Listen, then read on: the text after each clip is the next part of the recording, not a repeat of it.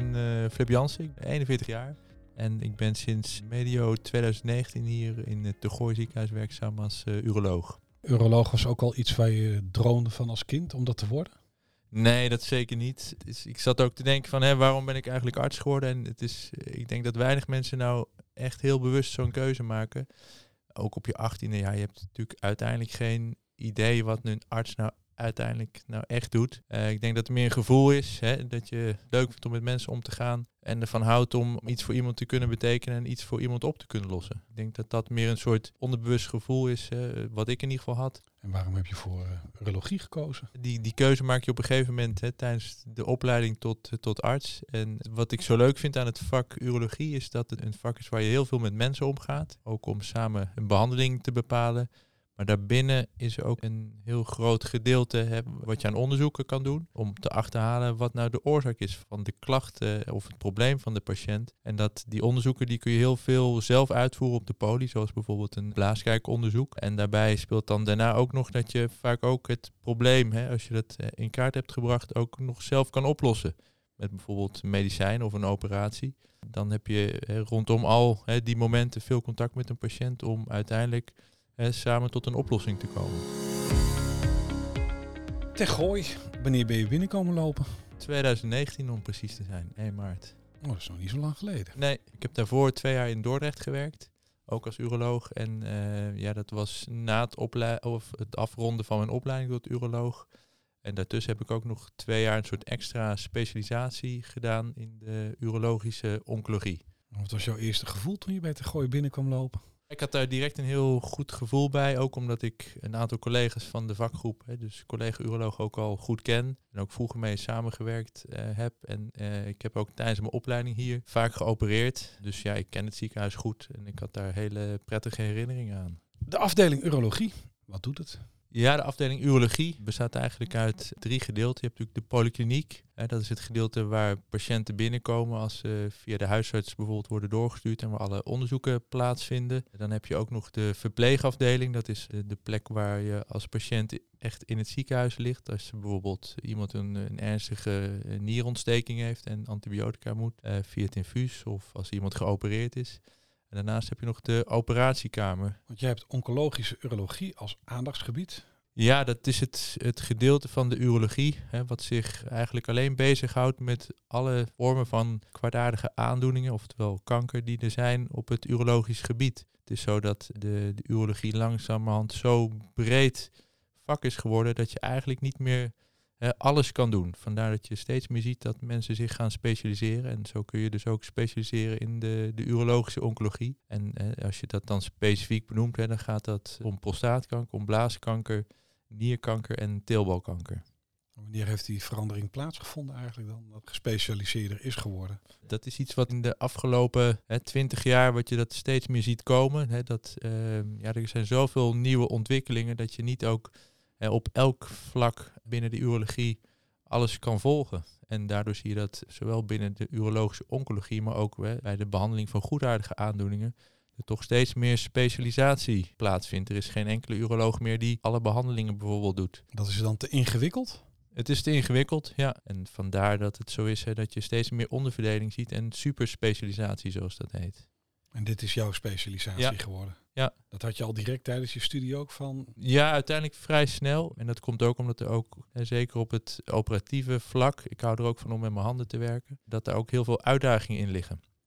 Ja, zoals bijvoorbeeld hè, de, de robotchirurgie, wat de laatste decennia ja, eigenlijk standaard is geworden. Hoef je alleen nog maar te kijken? Of, Ja, eh, dat, het, het is natuurlijk, het heet robot, hè, maar het, een, een robot ja, als je kijkt naar de definitie van een robot, dat is een apparaat wat natuurlijk bepaalde handelingen zelfstandig uitvoert. En dat doet dit apparaat niet. Maar het is een, uh, eigenlijk een hulpmiddel om nog nauwkeuriger een kijkoperatie te kunnen uitvoeren. Iets wat de mens niet kan zien of kan doen? Het is iets wat de mens niet kan doen in die zin, hè, dat kan heel nauwkeurig in de buik werken. En met speciale instrumenten, hè, bijvoorbeeld de prostaat, helemaal netjes vrij prepareren op een veel nauwkeurige manier dan hè, zoals je het zou doen door een grote snee in de buik te maken bijvoorbeeld.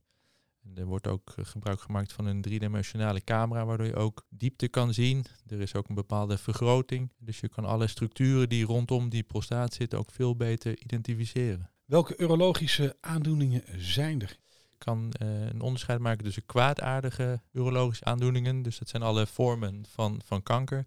En goedaardige aandoeningen. Dus dat is dan eigenlijk de rest. En uh, daarbinnen zijn er weer allerlei verschillende vormen. Als je het hebt over de kanker binnen de urologie, dan gaat het om prostaatkanker, nierkanker, blaaskanker en teelbalkanker. En als je het hebt over goedaardige aandoeningen, ja, dat zijn natuurlijk aandoeningen waar je in principe niet aan doodgaat, maar die net zo vervelend kunnen zijn. Dan heb je het bijvoorbeeld over nierstenen of blaasontstekingen. En dat zijn dan klachten uh, die voorkomen. Of bijvoorbeeld urineverlies, wat heel vervelend kan zijn. En dat komt veel voor bij oudere mannen. Plasklachten die komen veel voor bij oudere mannen. Ja, dat klopt. Ik denk dat je daar nog wel over gaat hebben straks. Ja. Laten we eerst even de prostaat. Ja, wat is het eigenlijk? Ja, de prostaat is een klier. Het is eigenlijk een, een, orgaan wat als je uitgegroeid bent als, als man na de puberteit zo groot is als een walnoot. En hij bevindt zich onderaan de blaas.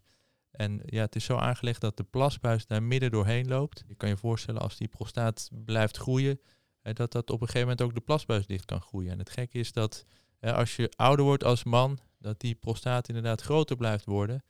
Uh, het is wel zo dat dat bij de ene man veel meer gebeurt dan bij de andere man. En als je het hebt over wat doet die prostaat nou precies? Ja, het is een klier en die uh, scheidt een bepaald vocht af, wat uh, bij de, de zaadcellen wordt gedaan als je als man een orgasme hebt. En functie van dat vocht is dat het helpt dat de, de zaadcellen langer buiten je lichaam kunnen overleven. Dus het is met name een orgaan waar je wat aan hebt hè, op de leeftijd dat je je voort wil planten. Daarna verliest hij eigenlijk zijn functie. Je zegt net ook van je haar groeit als je ouder wordt. Klopt. Hoe komt dat?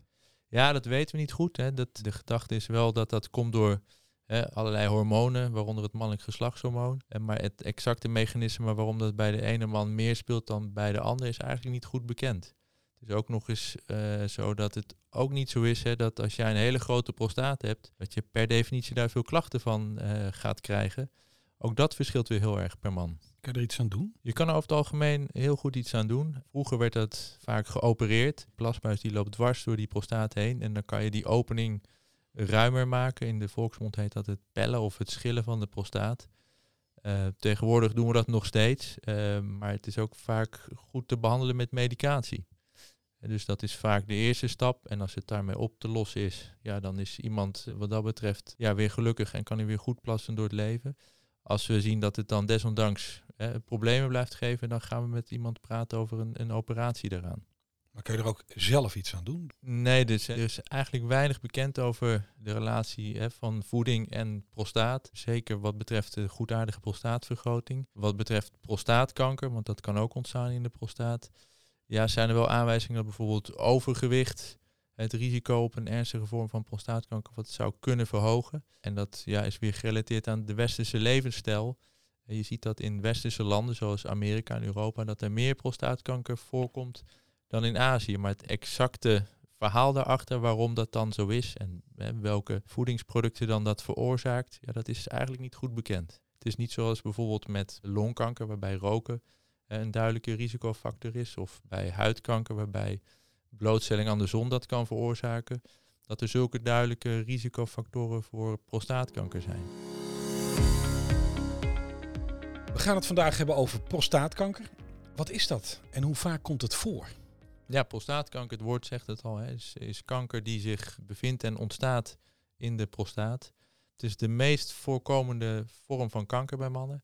En als je nou naar de Nederlandse situatie kijkt, hè, dan zie je dat ongeveer 13.000 uh, mannen per jaar de, de diagnose prostaatkanker krijgen. En dat er 3000 mannen per jaar aan de ziekte uiteindelijk overlijden. Veel? Ja, het is wel een ziekte die op oudere leeftijd voorkomt. Hè, meestal vanaf een jaar of 65. Maar goed, het kan ook daaronder voorkomen. En maar als je de, de, de groep mannen van 65 jaar en ouder ja, rondvraagt, hè, dan kent bijna iedereen wel iemand hè, met prostaatkanker. Over het algemeen uh, ja, is het een ziekte die zich heel langzaam ontwikkelt. En dan heb je het echt over een periode van jaren. Maar er zijn ook agressieve vormen die zich sneller kunnen ontwikkelen. Hoe merk je dat je prostaatkanker hebt? In het, in het beginstadium is het niet iets wat klachten geeft. Uh, dat komt omdat die prostaatkanker die ontwikkelt zich helemaal aan de buitenzijde van de prostaat, ver weg van de plasbuis. Dus daar merk je dan als man uh, helemaal niks van. Het geeft pas klachten eigenlijk als het verder groeit in de prostaat, dus het, de plasbuis dicht gaat drukken. Of als er bijvoorbeeld uitzaaiingen zijn, dus dat wil zeggen dat die prostaatkankercellen zich buiten de prostaat verplaatsen naar bijvoorbeeld de botten. en iemand eh, bijvoorbeeld pijn in zijn rug krijgt als gevolg van uitgezaaide prostaatkanker. De kans bestaat dus dat het te laat wordt eh, ontdekt. Ja, en dan betekent het, hè, als, als inderdaad de ziekte uitgezaaid is, zoals dat dan heet, dat iemand over het algemeen ook niet meer beter kan worden van prostaatkanker. Het is dan eh, soms klaar, maar in de meeste gevallen is het heel goed alsnog te onderdrukken met een hormonale behandeling of met chemotherapie of soms zelfs immunotherapie. En daarmee is het toch ook eh, steeds meer een chronische ziekte aan het worden, wat je eh, jarenlang goed tegen kan gaan. Je zegt ook verschijnselen, pijn in de rug kan ontstaan. Afvallen, dat kan ook. eh, moeheid, hè, dat zijn allemaal klachten die hè, kunnen passen bij uitgezaaide prostaatkanker. Maar goed, dat zijn ook klachten die heel veel mensen hebben, zonder dat daar iets van prostaatkanker hoeft te spelen. Kan het krijgen van prostaatkanker erfelijk bepaald zijn? Dat kan. Eh, het is niet iets wat veel voorkomt. Ja, we denken ongeveer in 5 tot 10 procent van de gevallen eh, dat er een erfelijke factor in zit. Het is ook zo dat niet al die factoren bekend zijn, maar dan is er een vermoeden. Eh, ja, wanneer moet je nou denken hè, aan mogelijk erfelijk prostaatkanker? Dit is als je in je nabije familie drie familieleden hebt waarbij de diagnose prostaatkanker is gesteld. Hè, dus bijvoorbeeld bij broers of ooms of neven. Of als er twee eh, familieleden zijn waarbij dat al op een leeftijd onder de 55 jaar is ontdekt. Als er echt aanwijzingen zijn hè, dat dat bij een man in de familie voorkomt, dan is toch het advies eh, om jaarlijks in ieder geval een bloedtest te ondergaan, eh, waarbij het PSA, prostaatspecifiek antigeen, wordt bepaald, om te kijken of er een verhoogde kans is hè, dat je als man prostaatkanker hebt. En waar kan je dat doen? Dat kan gewoon bij de huisarts. Eh, ja, er zijn binnen Nederland ja, duidelijke afspraken over met huisartsen. Wanneer ze dan een patiënt moeten doorverwijzen. Ik kan me ook voorstellen als man zijn dat je niet heel snel misschien naar een dokter durft te gaan. Ja, Ja, dat klopt. Het is natuurlijk niet iets hè, waar je dan als man op een feestje mee te koop loopt. Dus er is zeker wel enige schaamte. Uiteindelijk zie je wel hè, dat mannen daar ook wel onderling over praten en zeggen, hey, is bij jou het PSA al bekend en hoezo heb je het niet laten controleren? En dat daar dan toch wel gesprekken over komen, dat die taboes steeds minder worden eigenlijk. Hè. Dat het ook voor mannen iets is wat gewoon normaal bespreekbaar is. Schaam je niet. Absoluut niet. Hoe wordt eigenlijk eh, de diagnose gesteld? Ja, vaak hè, wordt iemand eh, naar ons, naar de polykliniek urologie verwezen via de huisarts. Eh, hè, die dan eh, naar aanleiding van bijvoorbeeld plasklachten of hè, dat een man zegt, hè, zou je mij eens kunnen controleren, want het komt heel veel voor in mijn familie of ik maak me daar zorgen om. En dan wordt vaak in eerste instantie het eh, PSA, het prostaatspecifiek antigeen bepaald. En wat het is, dat is een stofje wat in de prostaat wordt gemaakt. En als dat verhoogd is, hè, dan kan het zijn dat er sprake is van prostaatkanker. Maar in de meeste gevallen hè, blijkt dan uiteindelijk hè, na allerlei onderzoeken dat er geen prostaatkanker is. En dat komt omdat dat stofje ook hè, omhoog kan gaan door een goedaardige prostaatvergroting of een prostaatontsteking. Wat doen jullie als de PSA-waarde verhoogd is? Ja, wat wij dan doen is eh, in eerste instantie voelen naar de prostaat. En dat kan via het rectum heel makkelijk, omdat die prostaat eh, daar net aan de andere kant ligt. En dan kun je voelen of het die mooi glad aanvoelt, of dat daar verdachte plekken op te voelen zijn. En wat we ook doen is een echo maken van de prostaat om te kijken hoe die eruit ziet en hoe groot die is. En als we dan het idee hebben hè, dat er een verhoogde kans is hè, dat er toch iets niet goed is, hè, dat er prostaatkanker zou kunnen zijn, dan wordt er tegenwoordig een MRI-scan van de prostaat gemaakt om heel nauwkeurig de prostaat in beeld te brengen. Om te kijken of daar gebieden in de prostaat zijn die er verdacht uitzien voor prostaatkanker. En als dat zo is, dan wil dat niet zeggen dat iemand prostaatkanker heeft. Maar dan is het wel nodig om daar verder onderzoek naar te doen. En dat doen we dan weer door daar heel gericht uh, weefselmonsters, oftewel biopten, uit af te nemen. En die worden vervolgens onder de microscoop uh, bekeken. En dan pas uh, weet je zeker of iemand wel of geen prostaatkanker heeft. Dat nemen van die weefselmonsters, dat werd vroeger gedaan hè, door dwars door de darm heen te prikken. Tegenwoordig gaat het op een, op een andere manier. Wat we doen is de huid tussen de balzak en de anus verdoven. Dat gebeurt gewoon op de polykliniek. En dan kun je op die manier heel gericht in de prostaat uh, prikken. Waarbij je die beelden van de MRI-scan eigenlijk koppelt of fuseert hè, met de beelden van een echo die je van de prostaat tegelijkertijd maakt. En op die manier kun je heel nauwkeurig in precies het juiste plekje prikken waarvan de radioloog heeft gezegd, nou daar zou misschien iets aan de hand kunnen zijn. En op die manier kun je dus veel nauwkeuriger dan vroeger proberen te achterhalen of iemand al dan niet prostaatkanker heeft. Pijnlijke ingreep? Nee, valt reuze mee. Het is natuurlijk niet een, een ingreep hè, die je voor je lol ondergaat. Maar het is heel goed te ondergaan met die lokale verdoving. Patiënten hebben dat over het algemeen, als ik ze een week later spreek voor de uitslag, hebben ze het niet meer over dat onderzoek. En als je ze naar vraagt, zeggen ze nou, dat is me 100% meegevallen. Welke behandelingen zijn er mogelijk? Het ligt er heel erg aan uh, ja, waar die prostaatkanker zich bevindt en hoe agressief die is. Uh, als je bij een man prostaatkanker vindt die niet agressief is en die zich alleen in de prostaat bevindt, dan is vaak het advies hè, uh, om dat niet te behandelen, maar om dat actief te vervolgen. Dat heet active surveillance met een, met een Engelse term. En wat we daarbij doen is ja, heel nauwkeurig monitoren, in de gaten houden of die prostaatkanker zich niet gaat ontwikkelen tot een agressievere vorm. En het klinkt natuurlijk gek hè, dat je hè, kanker in de gaten gaat houden. Maar de reden dat we dat doen is omdat als je wel een behandeling doet, dat er toch vaak uh, nare gevolgen aan kunnen zitten. En uh, ja, dan heb ik het over urineverlies of hè, dat de erecties minder goed functioneren. Of ja, gevolgen van een bestraling of een operatie, complicaties die kunnen ontstaan. Maar soms is het wel nodig om toch hè, een, een, actieve behandeling te doen. Uh, als bijvoorbeeld die prostaatkanker agressiever is. En als je dat laat zitten, uiteindelijk er ook uitzaaiingen zouden kunnen ontstaan. Die uiteindelijk levensbedreigend voor een man zouden kunnen zijn. En dan is het wel een reden om te zeggen, nou we moeten toch samen gaan praten over een behandeling van de prostaatkanker. Het is, het is echt een gesprek wat ik heb met mannen met prostaatkanker, waarbij de verschillende opties worden besproken. En dat zijn aan de ene kant het, het opereren, waarbij je de prostaat weghaalt met behulp van een operatierobot. En de andere optie is hè, dat, je de bestraalt, dat je de prostaat bestraalt met radioactieve straling, vaak in combinatie met een hormoonbehandeling. En uh, ja, dat zijn allebei goede behandelingen, maar de bijwerkingen die zijn toch wel behoorlijk verschillend. Het is lastig voor een patiënt, hè, je wordt met totale nieuwe materie geconfronteerd om daar en dan een keuze in te maken. En dat is dan ook mijn rol, dat ik ze daarin begeleid. Dat we uiteindelijk samen uh, tot een beslissing komen wat er moet gebeuren. Staat daar ook een bepaalde tijd voor, zo'n behandelingstraject?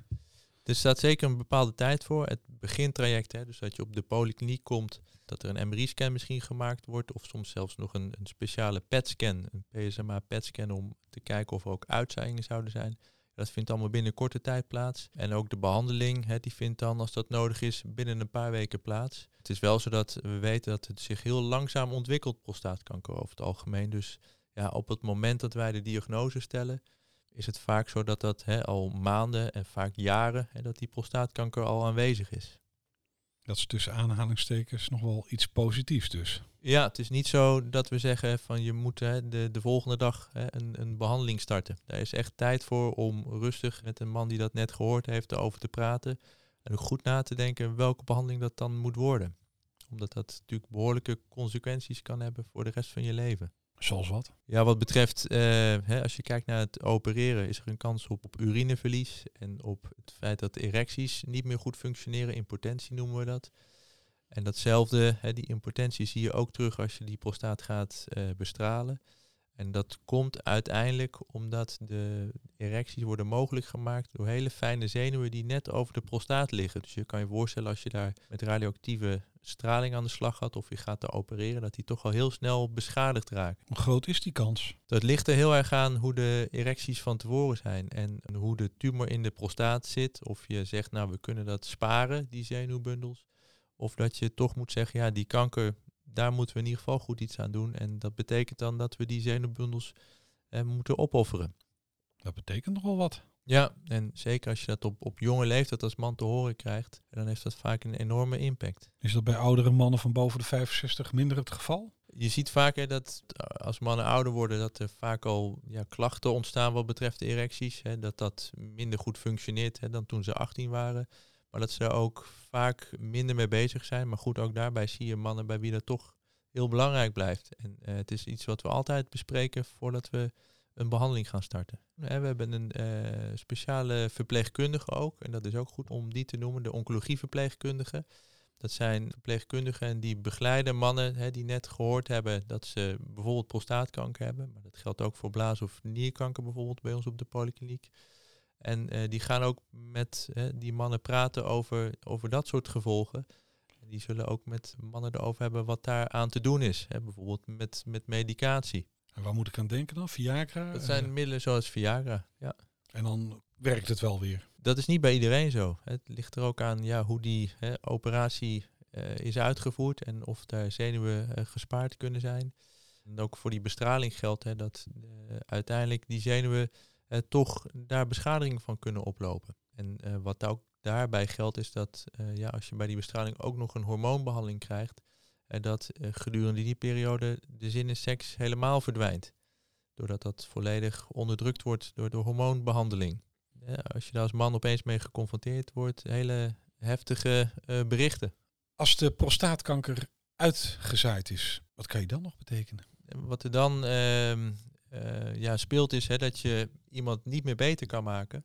Eh, maar aan de andere kant is het ook weer niet zo dat iemand daar dan op aan overlijdt. Eh, en dat komt omdat we tegenwoordig hè, met meestal hormoonbehandeling, maar soms ook chemotherapie of immunotherapie, hè, die prostaatkanker met die uitzaaiingen heel lang, en dan heb je het echt over jaren, kunnen onderdrukken.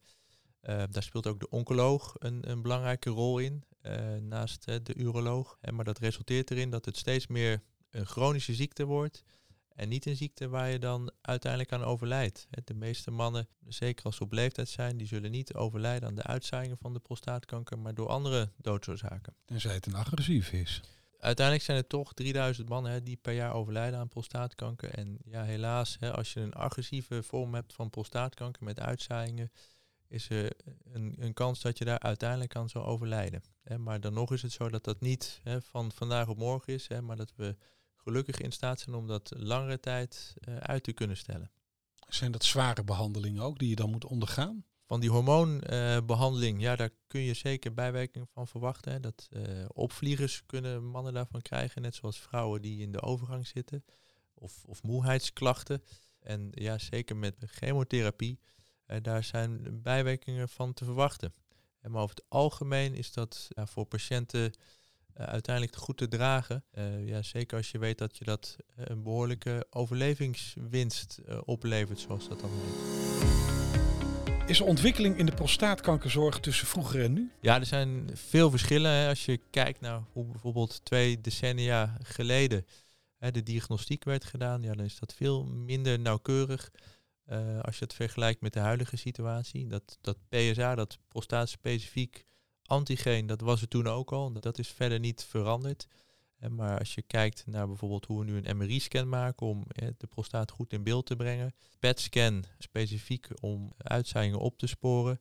En ook het nemen van die biopten, die weefselmonsters. Ja, dat gaat tegenwoordig eh, ja, eigenlijk op basis van die MRI-beelden met een heel specifiek raster. Om zo nauwkeurig mogelijk in de juiste plek in de prostaat te prikken. Ja, en dat zorgt ervoor dat je ja, uiteindelijk de diagnose veel nauwkeuriger kan stellen. En die nauwkeurigheid, dat zie je ook terug in de behandelmogelijkheden. Eh, vroeger werd er een grote snee in de onderbuik gemaakt om dan de, de prostaat te verwijderen. Ja, dat ging op nogal grofstoffelijke manier. En dat komt ook omdat die prostaat eigenlijk moeilijk bereikbaar helemaal onder in het bekken ligt. En tegenwoordig met die eh, operatierobot heb je daar een veel beter zicht op, waardoor je veel nauwkeuriger kan verwijderen met ook minder kans op schade hè, van de, de omliggende structuren. En, en dat je beter kan proberen te zorgen dat iemand eh, niet incontinent wordt, dus geen urineverlies heeft. En om te zorgen dat de erecties nog blijven functioneren. En datzelfde zie je ook terug bij de bestraling, dat dat steeds nauwkeuriger gebeurt. Tegenwoordig hè, worden patiënten vaak ook in een MRI-scan bestraald, waardoor je die prostaat heel nauwkeurig kan zien en alleen hè, die prostaat bestraalt met een hele kleine marge en dat de omliggende weefsels veel minder schade oplopen dan dat vroeger het geval was. Spannend klusje voor jou ook. Ja, het is een spannend klusje. En, ehm, eh, maar ook een, een, een, een mooie klus om te doen, omdat je uiteindelijk samen met een man tot een behandeling eh, moet komen.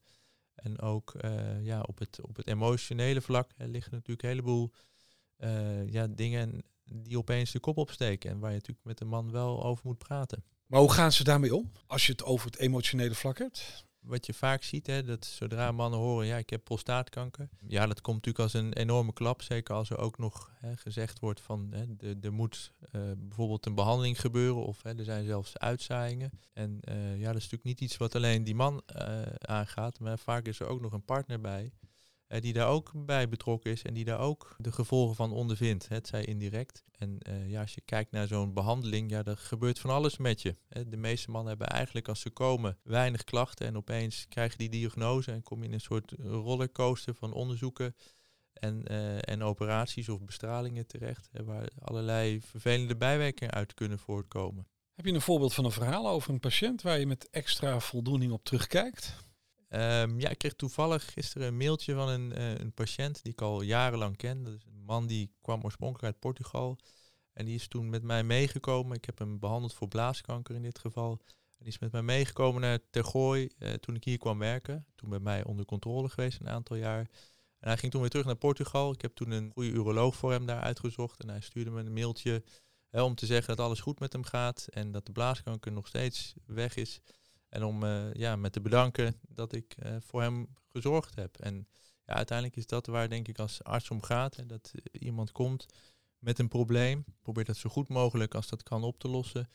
Zodat hij of zij zijn leven weer op kan pakken. Hoe ga je om met leed en emoties van patiënten? Ja, wat soms ook voor een dokter best lastig kan zijn. Hè, zeker als iemand op jonge leeftijd hoort hè, dat hij bijvoorbeeld uitgezaaid prostaatkanker heeft en daar niet meer beter van kan worden. Maar het is iets, hè, ja, eh, wat we uitgebreid bespreken. En wat je vaak ziet is dat ook de partner daarbij betrokken is. Er komen allerlei gedachten in de mensen op als ze horen hè, dat ze ernstig ziek zijn. En uh, ja, hoe moet het verder? Hè? Hoe lang heb ik nog? En dat zijn dingen die je ja, zo goed mogelijk probeert te bespreken. En uh, daar heeft ook de oncologieverpleegkundige een belangrijke rol in. Hè, want die praat, hè, als ik met, met die mannen en hun partner heb gesproken, dan gaan ze vaak naar de oncologieverpleegkundige om nog alles uh, nog een keer door te nemen en nog extra vragen te beantwoorden.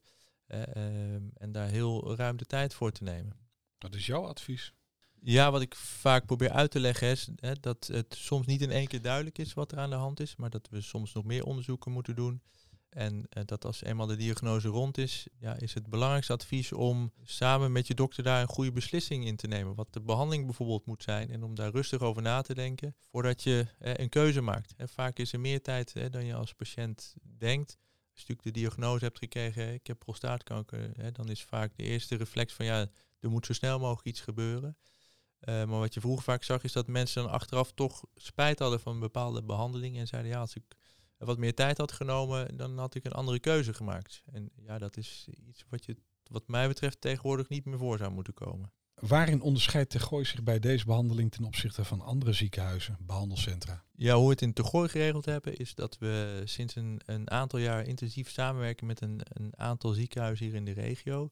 Dat zijn het Meander ziekenhuis in Amersfoort, het Academisch ziekenhuis in Utrecht en het Antonie van Leeuwenhoek in Amsterdam. We hebben een wekelijks overleg hè, waarin door verschillende specialisten en behandelteams elke patiënt bij wie de diagnose kanker is eh, vastgesteld wordt besproken.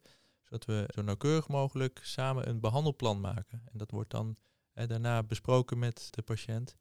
Daarnaast is het zo dat operaties ook op verschillende locaties tegenwoordig plaatsvinden.